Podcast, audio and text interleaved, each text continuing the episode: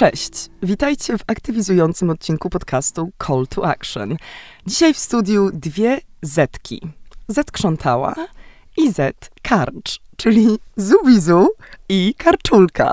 To jest Zuzia i Zuza, która się nie może przestać śmiać. E, cześć Zuza. Cześć Zuzia. Cześć. Cofamy się do czasów e, szkolnych, dla mnie zamieszłych, dla ciebie wciąż żywych. E, Już nie tak bardzo, ale... Ale cały czas w tym siedzisz. Cały czas w tym siedzę i cały czas to obserwuję, Absolutnie. powiedzmy, że tak. O sprawczości i podmiotowości młodych, o szkole twórczej, kreatywnej i bezpiecznej rozmawiam dziś z Zuzą Karcz, aktywistką światową, um, która działa na rzecz edukacji przyjaznej osobom uczącym się. To znaczy obywatelskiej, antydyskryminacyjnej, klimatycznej i seksualnej. Zuza także studentką SGH i UW, a w ramach fundacji Off School, która łączy Gen Z i rodziców, buduje dom spokojnej młodości. Jest także jedną z bohaterek e, książki Justyny Sucheckiej Pokolenie Zmiany. I tutaj e, wprowadzę inny element niż zazwyczaj, kiedy właśnie wprowadzam moich gości. Rocznik 2002 nie zdarza mi się nigdy wnikać tak głęboko w personalia moich gości, łącznie z ich datą urodzenia. I mam nadzieję, że nie jesteś tym urażona, ale właśnie to jest niesamowite, żeby zobaczyć trochę ten lifespan twojego życia i ile udało ci się zrobić w tym czasie. No jest to pewien maraton. Już dobre no, pięć lat będzie. Jak sprawdzałam e, różne twoje krótkie notki biograficzne na przeróżnych portalach, konferencjach, e, to za każdym razem jest trochę inny element i zawsze wchodzisz w nową rolę. Mhm, tak, ja, ja tą tożsamość ja tak sobie delikatnie gdzieś tam formatuję, chociaż ja uważam też, że to nie jest o tym, co ja robię, tylko kim jestem a aktywistką edukacyjną jestem od samego początku, bo no to jest moje DNA. Ja prawdopodobnie od zawsze kochałam edukację. E, do tego stopnia i e, to było jakieś bardzo dziwne, jak e, startowałam w tym roku na MISH bezskutecznie. Tak, to miał być trzeci kierunek studiów, więc w ogóle to było szalone. Dobrze, że się nie udało. Generalnie już mało zostało tych zajęć na SGH, więc tak chciałam dołożyć socjologię, bo bardzo mnie to interesuje. Mhm. No i jak rzuciłam na rozmowie kwalifikacyjnej, że no ja w zasadzie to w przedszkolu już prosiłam rodziców o mm, taki magazyn um, nauczycielka przedszkola, to wydaje mi się, że wyszłam na jakąś niesamowitą no nie chcę użyć słowa krejzolka, ale jakąś niesamowitą... Karczulkę. Karczulkę, ale mitomankę wręcz w tym wszystkim. Mówimy też o takich twoich świadomych początkach aktywistycznych. Mm. Tutaj się pojawia rok 2019 i strajk nauczycielski. Um, Ile w ogóle miałaś lat, kiedy PiS doszedł do władzy? 13. 13. No właśnie, czyli to jest też taki moment budowania się świadomości, chociaż u ciebie to już zaczęło w czasach przedszkolnych, to już wiemy, ale jednak wychowałaś się w tym systemie pod Czarnkiem, a wcześniej Anną Zalewską. I Piątkowskim. Nie znałaś innej szkoły niż tej zindoktrynowanej, ale chciałam cię zapytać właśnie, kiedy poczułaś w sobie tę niezgodę? Na pewno był to strajk nauczycielski, ale to się łączyło poniekąd też y, z moją rolą, która się zaczęła jeszcze w 18 roku, czyli przewodniczącej samorządu uczniowskiego.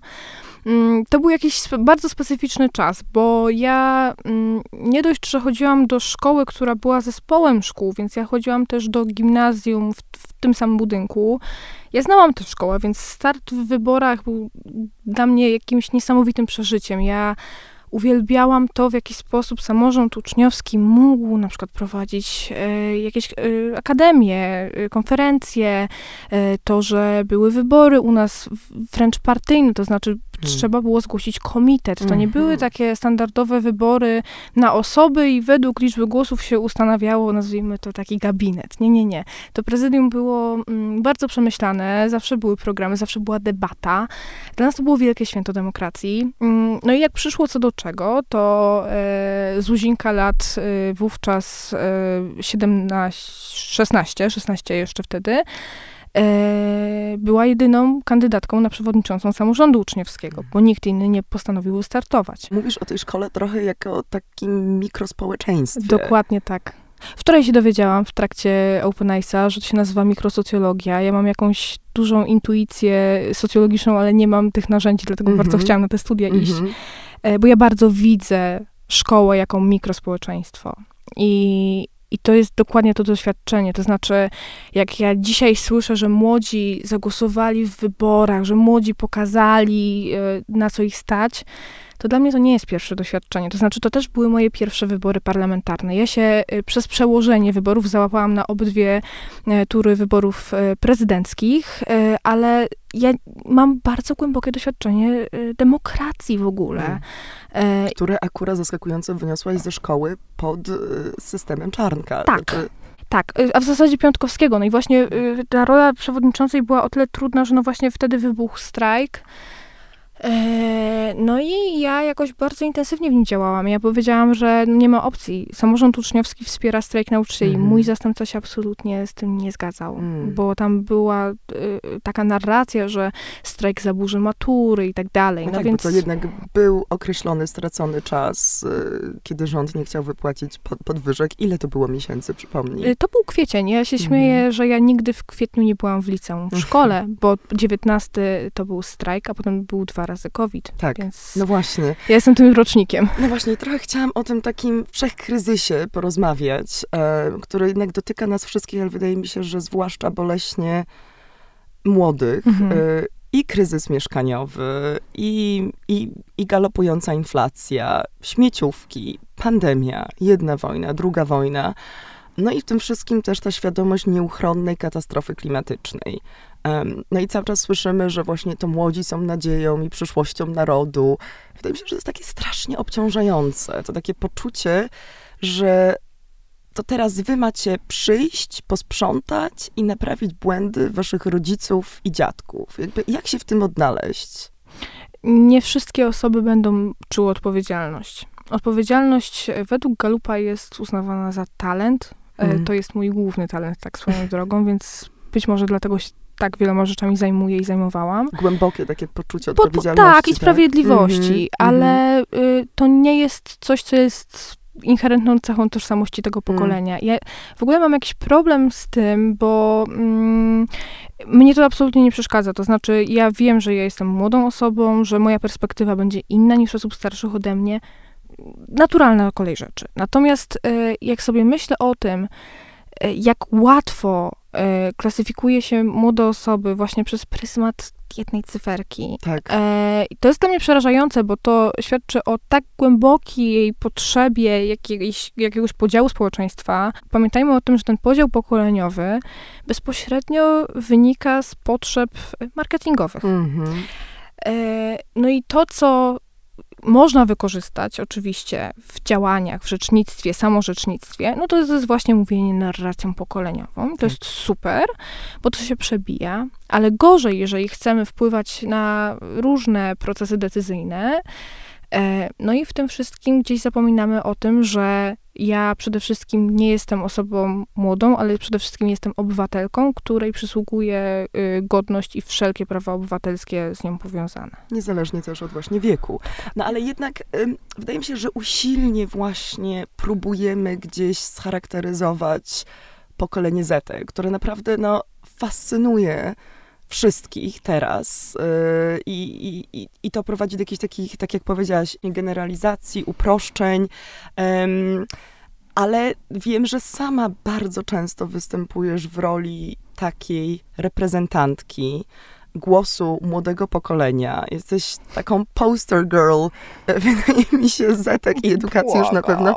Nie ma konferencji, na którą bym nie pojechała, czy są to Igrzyska Wolności, czy teraz Open Eyes Economy Summit, gdzie portretujesz współczesne, młode pokolenie. Jak ty się z tym czujesz? Audiodeskrypcja załamuje się. Nie, to znaczy, ja myślę sobie, że to jest bardzo trudne. To znaczy, ja po prostu wiem, że y, ja tak mam. Po prostu, że, że ja nie boję się mówić, że ja naprawdę lubię być na scenie i Mhm. się jakoś tym nie kryję i, i lubię rozmawiać z ludźmi, więc fajnie, że jesteśmy. Dokładnie do tego tu jesteśmy razem. Myślę, że strasznie ścieżam na tę naszą rozmowę. Nawet próbowałam sobie przypomnieć, skąd ja cię kojarzę. Czy z jakiegoś happeningu, czy właśnie protestu, demonstracji, cofnąć się w czasie. Chyba pierwszy raz o tobie usłyszałam od mojego siostrzeńca Marcela. Tak! Który wtedy którym działał. działałam. Tak, tak, tak. No. Nowa fala aktywizmu, to były takie Nowa czasy. fala aktywizmu, Si. dokładnie. Jako, jako licealistka założyłaś taką inicjatywę. Twoja biografia pomieściła już strasznie dużo żyć, więc jakby rozumiem, czemu jesteś plasowana w tej pozycji, w tej roli takiej wszystko wiedzącej Zetki. Kurczę, ja się czuję staro, wiesz? Ja, w sensie, ja już nie czuję, że ja jestem uczennicą. Ja, ja, jakoś, wiesz, trudno jest dla mnie A to, masz że- raptem 21 lat, prawda? Tak, ale wiesz, ja ostatnio poszłam do Sejmu. Yy, mam nadzieję, że Krzysiek się za to nie obrazi, ale rozmawiałam z Krzysztofem Śmiszkiem O. i, i tak siedzimy, a że widzieliśmy się dawno temu, bo jeszcze jak byłam w liceum. I on tak na mnie spojrzał i mówi, jej, ty masz 21 lat już. W sensie rozmawiamy. Ja mówię, wiesz, no ja kończę studia, już pracę licencjacką piszę. Wiesz, tu zaraz będę zaczynać taką pracę realną, która będzie nie tylko studiowaniem plus pracą, tylko to będzie już, już mój zawód. Ale wracając jeszcze do tego, to jest jakieś bardzo trudne dla mnie. Znaczy, ja już w ogóle nie myślę o zetkach. Dla mnie zetki to już jest bardzo mm, zbadany temat. Ja Mhm. czuję, że to już możemy odłożyć. Bardziej mnie interesują dzisiaj Z-alfy i alfy, bo y, właśnie to jest to, o czym mówiłaś, czyli te wszechkryzysy. E, ostatnio mignął mi jakiś TikTok, więc, więc nie podam dokładnego źródła, ale i były jakieś badania dotyczące tego, że media społecznościowe zanikną. Hmm. To znaczy, to pokolenie nie chce już czerpać z czyjejś wiedzy i w 100% się od niej uzależniać, tylko chce tworzyć swoje, bo wie, Swoje że media. dokładnie swoje Mhm. media, swoje przestrzenie, dlatego Roblox, tak. dlatego Roblox jest taki super, ja jeszcze nie ogarnęłam, muszę, się- muszę Mhm. ogarnąć, jak, jak tam Oczy funkcjonować. mam y, szeroko otwarte, coś mi się kojarzy z moich czasów metawersowych, kiedy Mhm. organizowałam konferencję Woga. Tak. tak, ale, ale okej. Bardzo ważne jest to, żeby móc być blisko z treścią, a niekoniecznie e, się odkrywać. Hmm. Em, Mhm.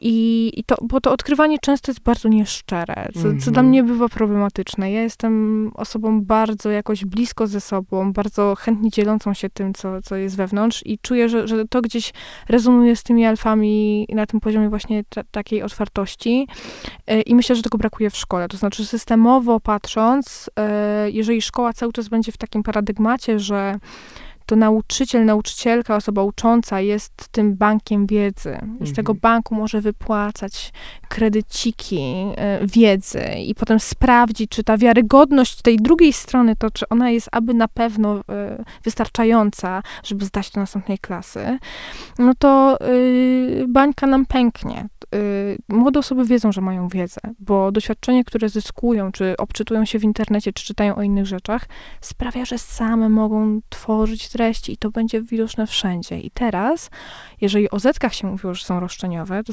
wyobraź sobie, co będzie z alfami. Dobrze, czy możesz mi tutaj tylko się zatrzymać na chwilę i po prostu jakby zdefiniować alfy? Powiedziałaś alfy, jeszcze jakieś inne alfy? Mm, Z-alfy. To jest Z alfy, dobrze. To jest gdzieś tam na tym rozdrożu właśnie zetek i alf. Alfy to są osoby y, urodzone po 2010 roku. A, po 2010, czyli które mają 13 i mniej teraz. Tak. Chciałam wrócić jeszcze do takiego twojego wywiadu Mhm. z Woga, Mm. e, który ukazał się zresztą 15 października, tylko zeszłego roku. Mhm. I mówiłaś wtedy o wypaleniu aktywistycznym i o trudnych realiach pracy w NGO-sach, o tych nieregulowanych godzinach pracy, o mocno sfeminizowanym trzecim sektorze, chociażby z racji na bardzo niskie płace, a czasem wręcz wolontariat.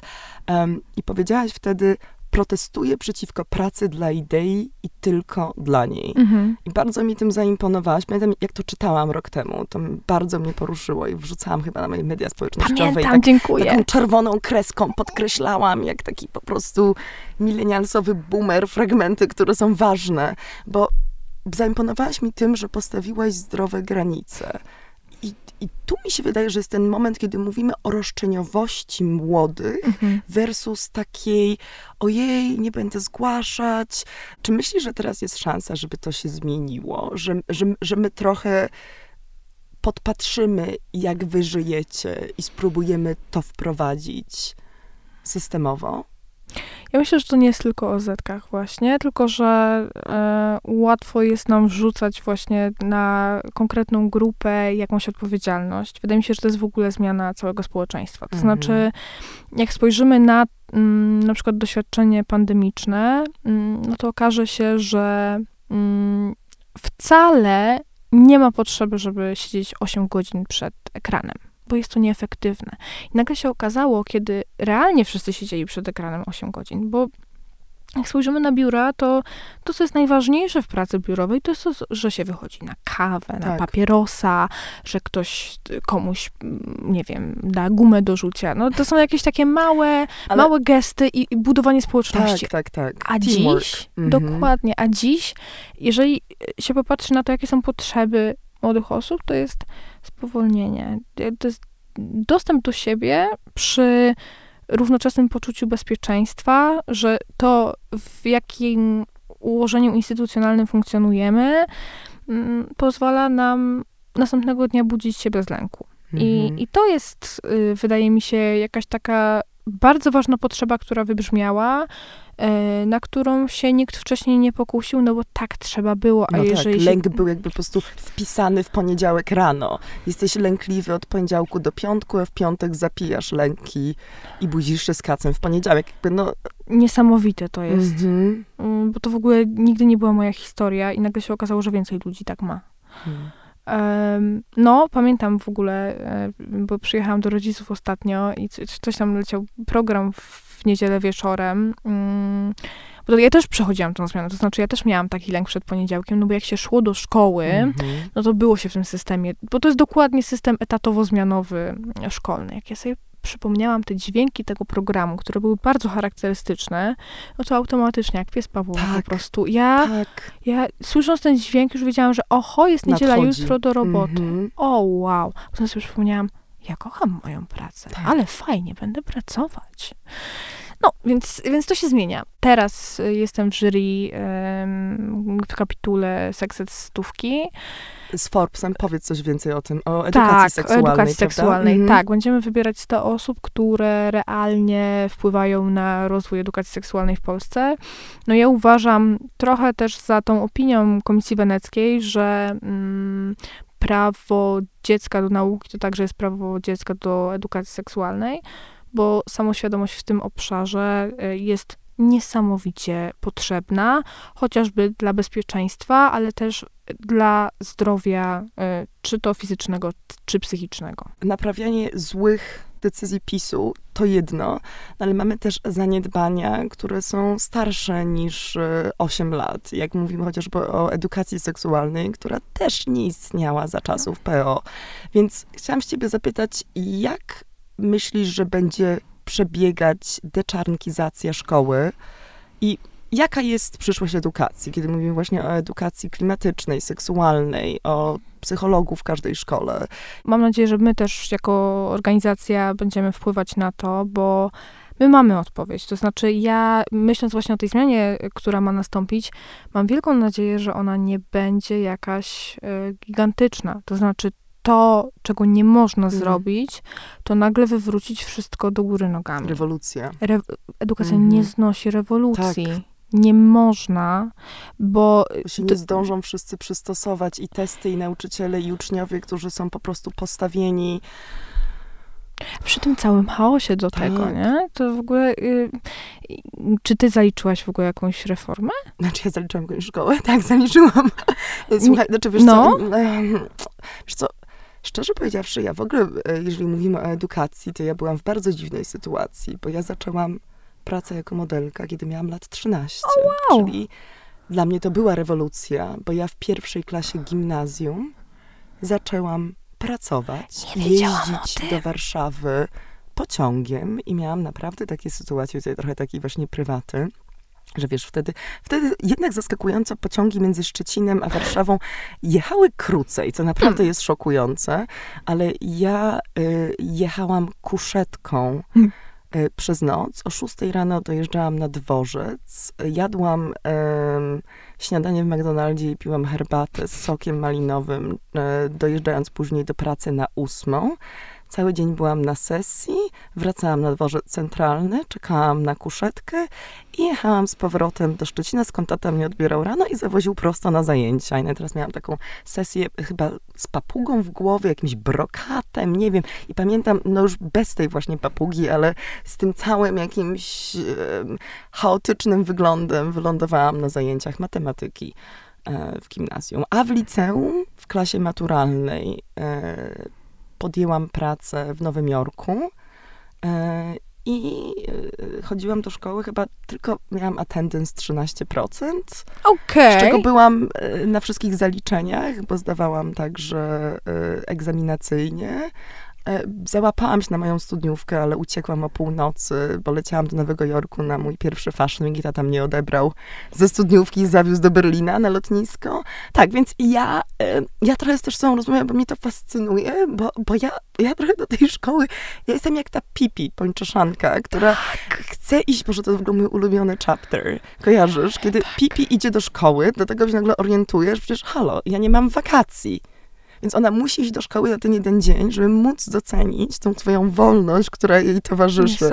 I ona się totalnie nie umie odnaleźć w tym systemie. Właśnie szkoła trochę niszczy takie pipi. Ja trochę byłam taką pipi. Pipi miała ewidentnie ADHD. Pipi miała ADHD, dlatego się z nią identyfikujemy. Bardzo. Bardzo, tak. No właśnie, tutaj dużo cię wtrąciłam. Pytałaś Nie, mnie o bardzo to reformy. Bardzo to jest ciekawe, wiesz? Ale- Nie wiedziałam o tym. Mhm, ale to, to w ogóle niesamowite, że szkoła mi na to pozwoliła. Byłam w szkole społecznej, w podstawówce i w społecznym gimnazjum, a później poszłam do takiej mm, bardzo właśnie renomowanej dwójki liceum, gdzie Czy to jest ta jednak... z IB? Nie, bo to jest ta trzynastka i szesnastka, z- którą zresztą kończył, o Boże, nie wiem, czy mogę jego imię wypowiedzieć na głos, nie chcę, żeby się tutaj pojawił, ale taki straszny człowiek, który się dostał teraz Taki do Sejmu. Wiemy, jaki, Mhm, wiemy. y, który, nawet nie chcę o tym myśleć, Mhm, y, dezynfekował ulicę po Paradzie Równości Skip, w Szczecinie. skip, skip, Nie skip. dajemy mu nazwiska Platformy, ale on chodził do trzynastki, ja chodziłam do dwójki y, i wielkie podziękowania dla moich nauczycieli, którzy byli wyrozumiali i, i, jakby zgodzili się na ten układ. No. Ale ja się sama uczyłam. Szkoła nie dzieje się tylko w szkolnej ławce. Absolutnie nie. Ja, ja Em. bardzo w to wierzę, że się nie dzieje właśnie. Tak, to jest tak odpowiadając na twoje pytanie, czy przeszłam przez jakieś reformy. Nie, chyba przeszłam przez życiu. rewolucję. Tak. Tak. Odbiegłyśmy od tematu. Słuchaj, to em, szkoła przyszłości, tak zwany Mhm. New School. Mm. Ja mam tutaj taki bardzo ładny cytat z Gazety Wyborczej. Mm. E, twój. Ojej. Tutaj, bo już lecimy i Wogiem, i Wyborczą. Mm. e, i książką Justyny Słuchackiej. Więc może ja, może ja po prostu przytoczę, czego No, ty sobie proszę. życzysz, a ty to rozwiniesz. Dobrze. Marzy mi się, żeby szkoła stała się ostoją spokoju, takim domem spokojnej młodości.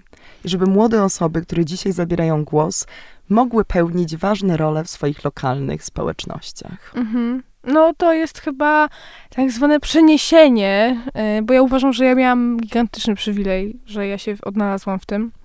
E, Mimo mojej neuroatypowości gdzieś tam w tym żyłam i uważam, że e, dzieciaki powinny mieć dostęp do czegoś podobnego. To znaczy, Mhm.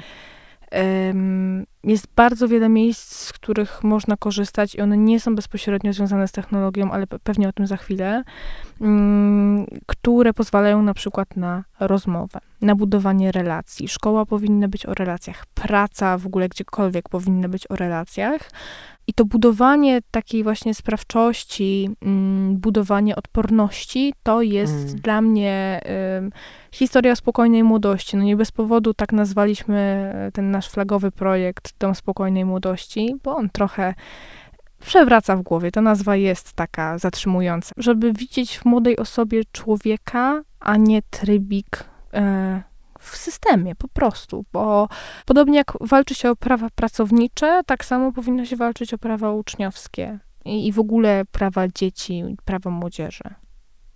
Więc szkoła to powinno być miejsce, w którym respektuje się e, prawa młodych osób, ale też to, że e, młode osoby powinny mieć dostęp do opieki nie tylko w sytuacji kryzysowej, ale też prewencyjnej. I nie mówię tylko o, o zdrowiu psychicznym, E, bo doświadczenie chociażby przemocy rówieśniczej, mm -hmm. czy dyskryminacji ze względu na różne cechy. No właśnie ja y, trochę y, pominęłam ten wątek, ale wracając jeszcze do tego startowania mojego, no przecież ja byłam wyautowana jako osoba nieheteronormatywna w moim liceum, e, bardzo zaangażowana zresztą. E, no i co się okazało tam po dwóch latach od tych wyborów, że ludzie się bali na mnie głosować, że ja będę się za bardzo obnosić. Mm. Także to, to nie jest takie oczywiste. To są jakieś takie małe sygnały. Ludzie mi się bali to powiedzieć, bo wiedzieli, że ja to bardzo przeżywam, że ja bardzo tym żyję, co świadczy o gigantycznej empatii, ale e, z,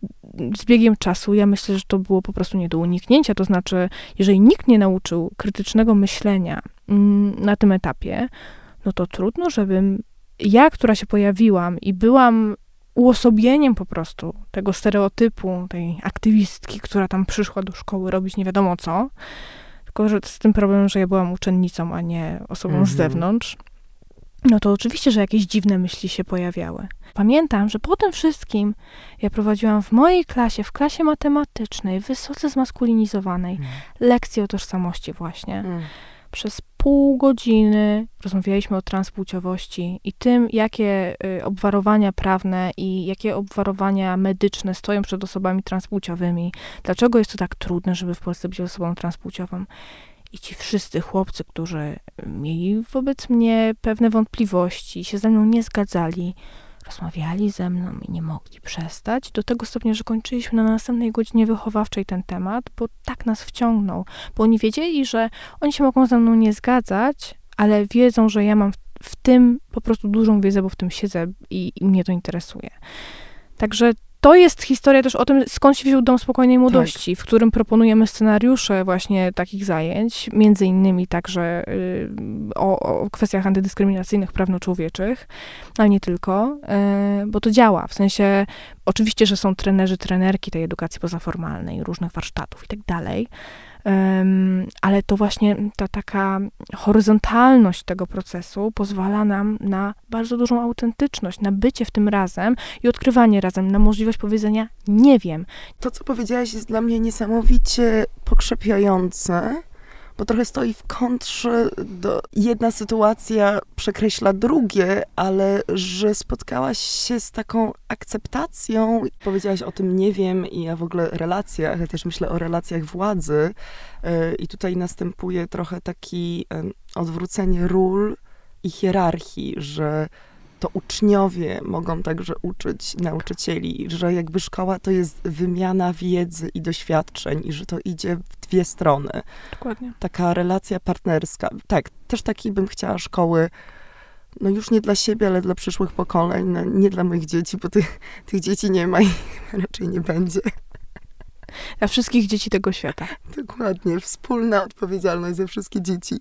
Um, już się pojawił ten temat między nami. Cyfrowa czy analogowa szkoła? Mhm. I tutaj właśnie ciekawy eksperyment. Szwecja, e, jeden z takich w ogóle pionierów cyfryzacji e, w szkole po 10 latach wraca do klasycznych podręczników. Mhm. A wiem, że w Polsce jednym z postulatów y, y, obecnej umowy koalicyjnej jest między innymi y, no, likwidacja prac domowych. To się też chociażby mhm. wiąże z tym, no, że jak mówisz o tym, że uczniowie, studenci mają teraz dostęp do wielu źródeł i narzędzi, to mają także dostęp do czata GPT. Mm-hmm. E, i, i, I to, e, i sztuczna inteligencja trochę jakby mm, sprawia, że zadania domowe, prace domowe są trochę obsolete, no bo wiesz... Da się je zrobić da się je zrobić, da ale je jednak zrobić. trzeba wtedy jakby promować bardziej kreatywność i krytyczne myślenie, a nie, e, a nie takie stricte sprawdzanie wiedzy faktowej, datowej. Absolutnie tak. To znaczy, jak y, patrzę na to, co, co jest możliwe, a ja jestem regularną, codzienną użytkowniczką generatywnej sztucznej inteligencji. Ja w ogóle uważam, że, że to mi robi ostatnio bardzo duży kawał roboty to, że ja mogę uporządkować e, Synteza. syntezę, mm -hmm. robić, uporządkować myśli, bardzo wielu wątków. E, to bardzo ułatwia pracę. Mm, I, i, I to jest jakiś sposób korzystania z tego. Oczywiście na poziomie akademickim jest to trochę inna historia, ale mm, jak patrzę na szkoły, e, to mam pewne obawy, czy aby na pewno postulat braku prac domowych to jest kwintesencja tego, czego potrzebujemy. Bo okej, okay, podręczniki w wersji cyfrowej są super. W sensie ja zdziwiłam się, bo przyszłam kiedyś właśnie do mojego liceum, przyszłam na lekcję WOS-u do mojego ukochanego profesora. Yy, pozdrawiam yy, profesora Pawła Matyszkiewicza. Naprawdę to jest yy, człowiek, który bardzo we mnie wierzy nadal i często rozmawiamy i się wymieniamy i wiem, że ja widzę jego i on widzi mnie, więc to jest wspaniałe. E, no i mm, mamy, mamy tą relację i, i, z tego też tytułu odwiedziłam szkołę, no i siedzę, siedzę i patrzę i bardzo dużo ludzi na tabletach notuje. Hmm. To jest super, bo nie muszą dużo nosić yy, i tak piszą ręcznie, więc nie ma tej obawy, że stracą nagle umiejętność pisania. Przecież to w ogóle kiedy, nie jest o A tym. kiedy piszą ręcznie? Ja strasznie mało piszę ręcznie. Jakby...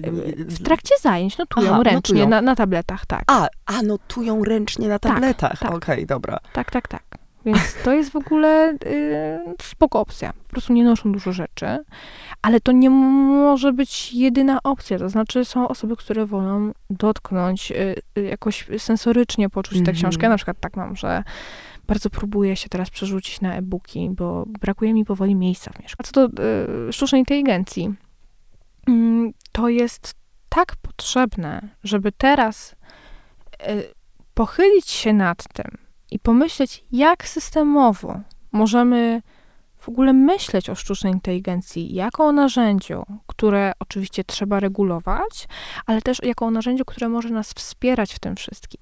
Bo y, to akurat Krzysiek Księg, z którym pracuję, uwielbia to, to porównanie i, i, ja zanim to powtórzę. Kiedyś na maturze nie było kalkulatorów. Hmm. Y, to jest straszna, straszna wizja, ale kiedyś nie można było mieć kalkulatora na maturze. E, I jakoś wszyscy liczyli. I przecież bez kalkulatora też się da liczyć. A jednak mamy ten kalkulator. Ułatwia, tak. Ułatwia i jest mhm, szybciej. Tak. Podobnie jest z internetem w trakcie zajęć, rozwiązywania zajęć. Przecież na zajęciach takich tradycyjnych już bardzo często korzysta się z tak zwanego TIK-u, czyli użycia technologii w nauczaniu. No i te wszystkie. Te wszystkie technologie typu e, kahuty, które swoją drogą bardzo przykuwają uwagę swoją e, melodyjką. Badania mm -hmm. wskazują na to, że jak się włączy muzyczkę, to się osoby lepiej skupiają.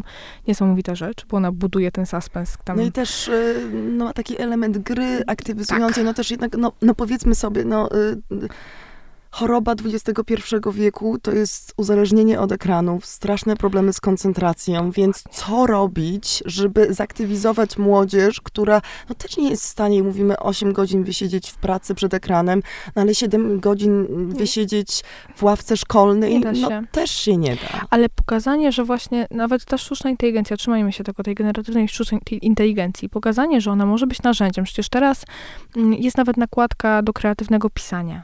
E, tam wcale nie musi być tak, że e, czat napisze nam treść. Przecież może dać wskazówki, jak budować lepszą wypowiedź. I ja wiem, że my mamy taką tendencję, to jest jakiś charakter narodowy, że my uwielbiamy omijać wszelkie zasady i to będzie bardzo trudne. Ale jeżeli zrozumiemy i włączymy młode osoby w rozmowę o tym, dlaczego potrzebują najpierw zyskać pewne kompetencje, żeby potem móc usprawniać sobie mhm. funkcjonowanie z nimi i potraktujemy te osoby partnersko, to one wtedy nie będą chciały z tego korzystać, bo przecież doskonale wiedzą, że na przykład na egzaminie, i znowu się włącza egzaminoza, ocenoza, testoza, nie będą mogły z tego skorzystać. Więc dla nich, yy, ja, pamiętam to podejście, myśmy w końcu się wkurzyli, ja pamiętam klasę maturalną, wszyscy sobie powiedzieliśmy, dobra, uczymy się teraz. Nie ma, nie ma, robimy zadania, róbmy jak najwięcej zadań, uczmy się, ja byłam w klasie matematycznej, więc to była klasa, jeszcze jak mieliśmy wycieczki szkolne, no bo potem był COVID, myśmy na wyjeździe na narty siedzieli po nocy i robiliśmy zadania. Myśmy byli tak totalnie zajarani na to.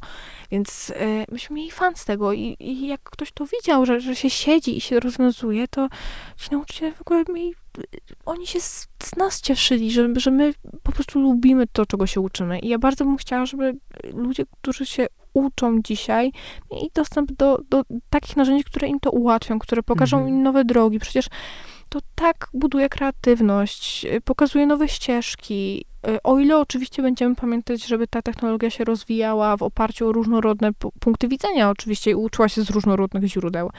Mm, No ale da się to robić i ja bardzo w to wierzę, że y, będzie ten moment, w którym bardzo systemowo nauczymy się to wdrażać. Może nie na poziomie osobnego przedmiotu. Ja w ogóle nie uważam, że to jest osobny przedmiot.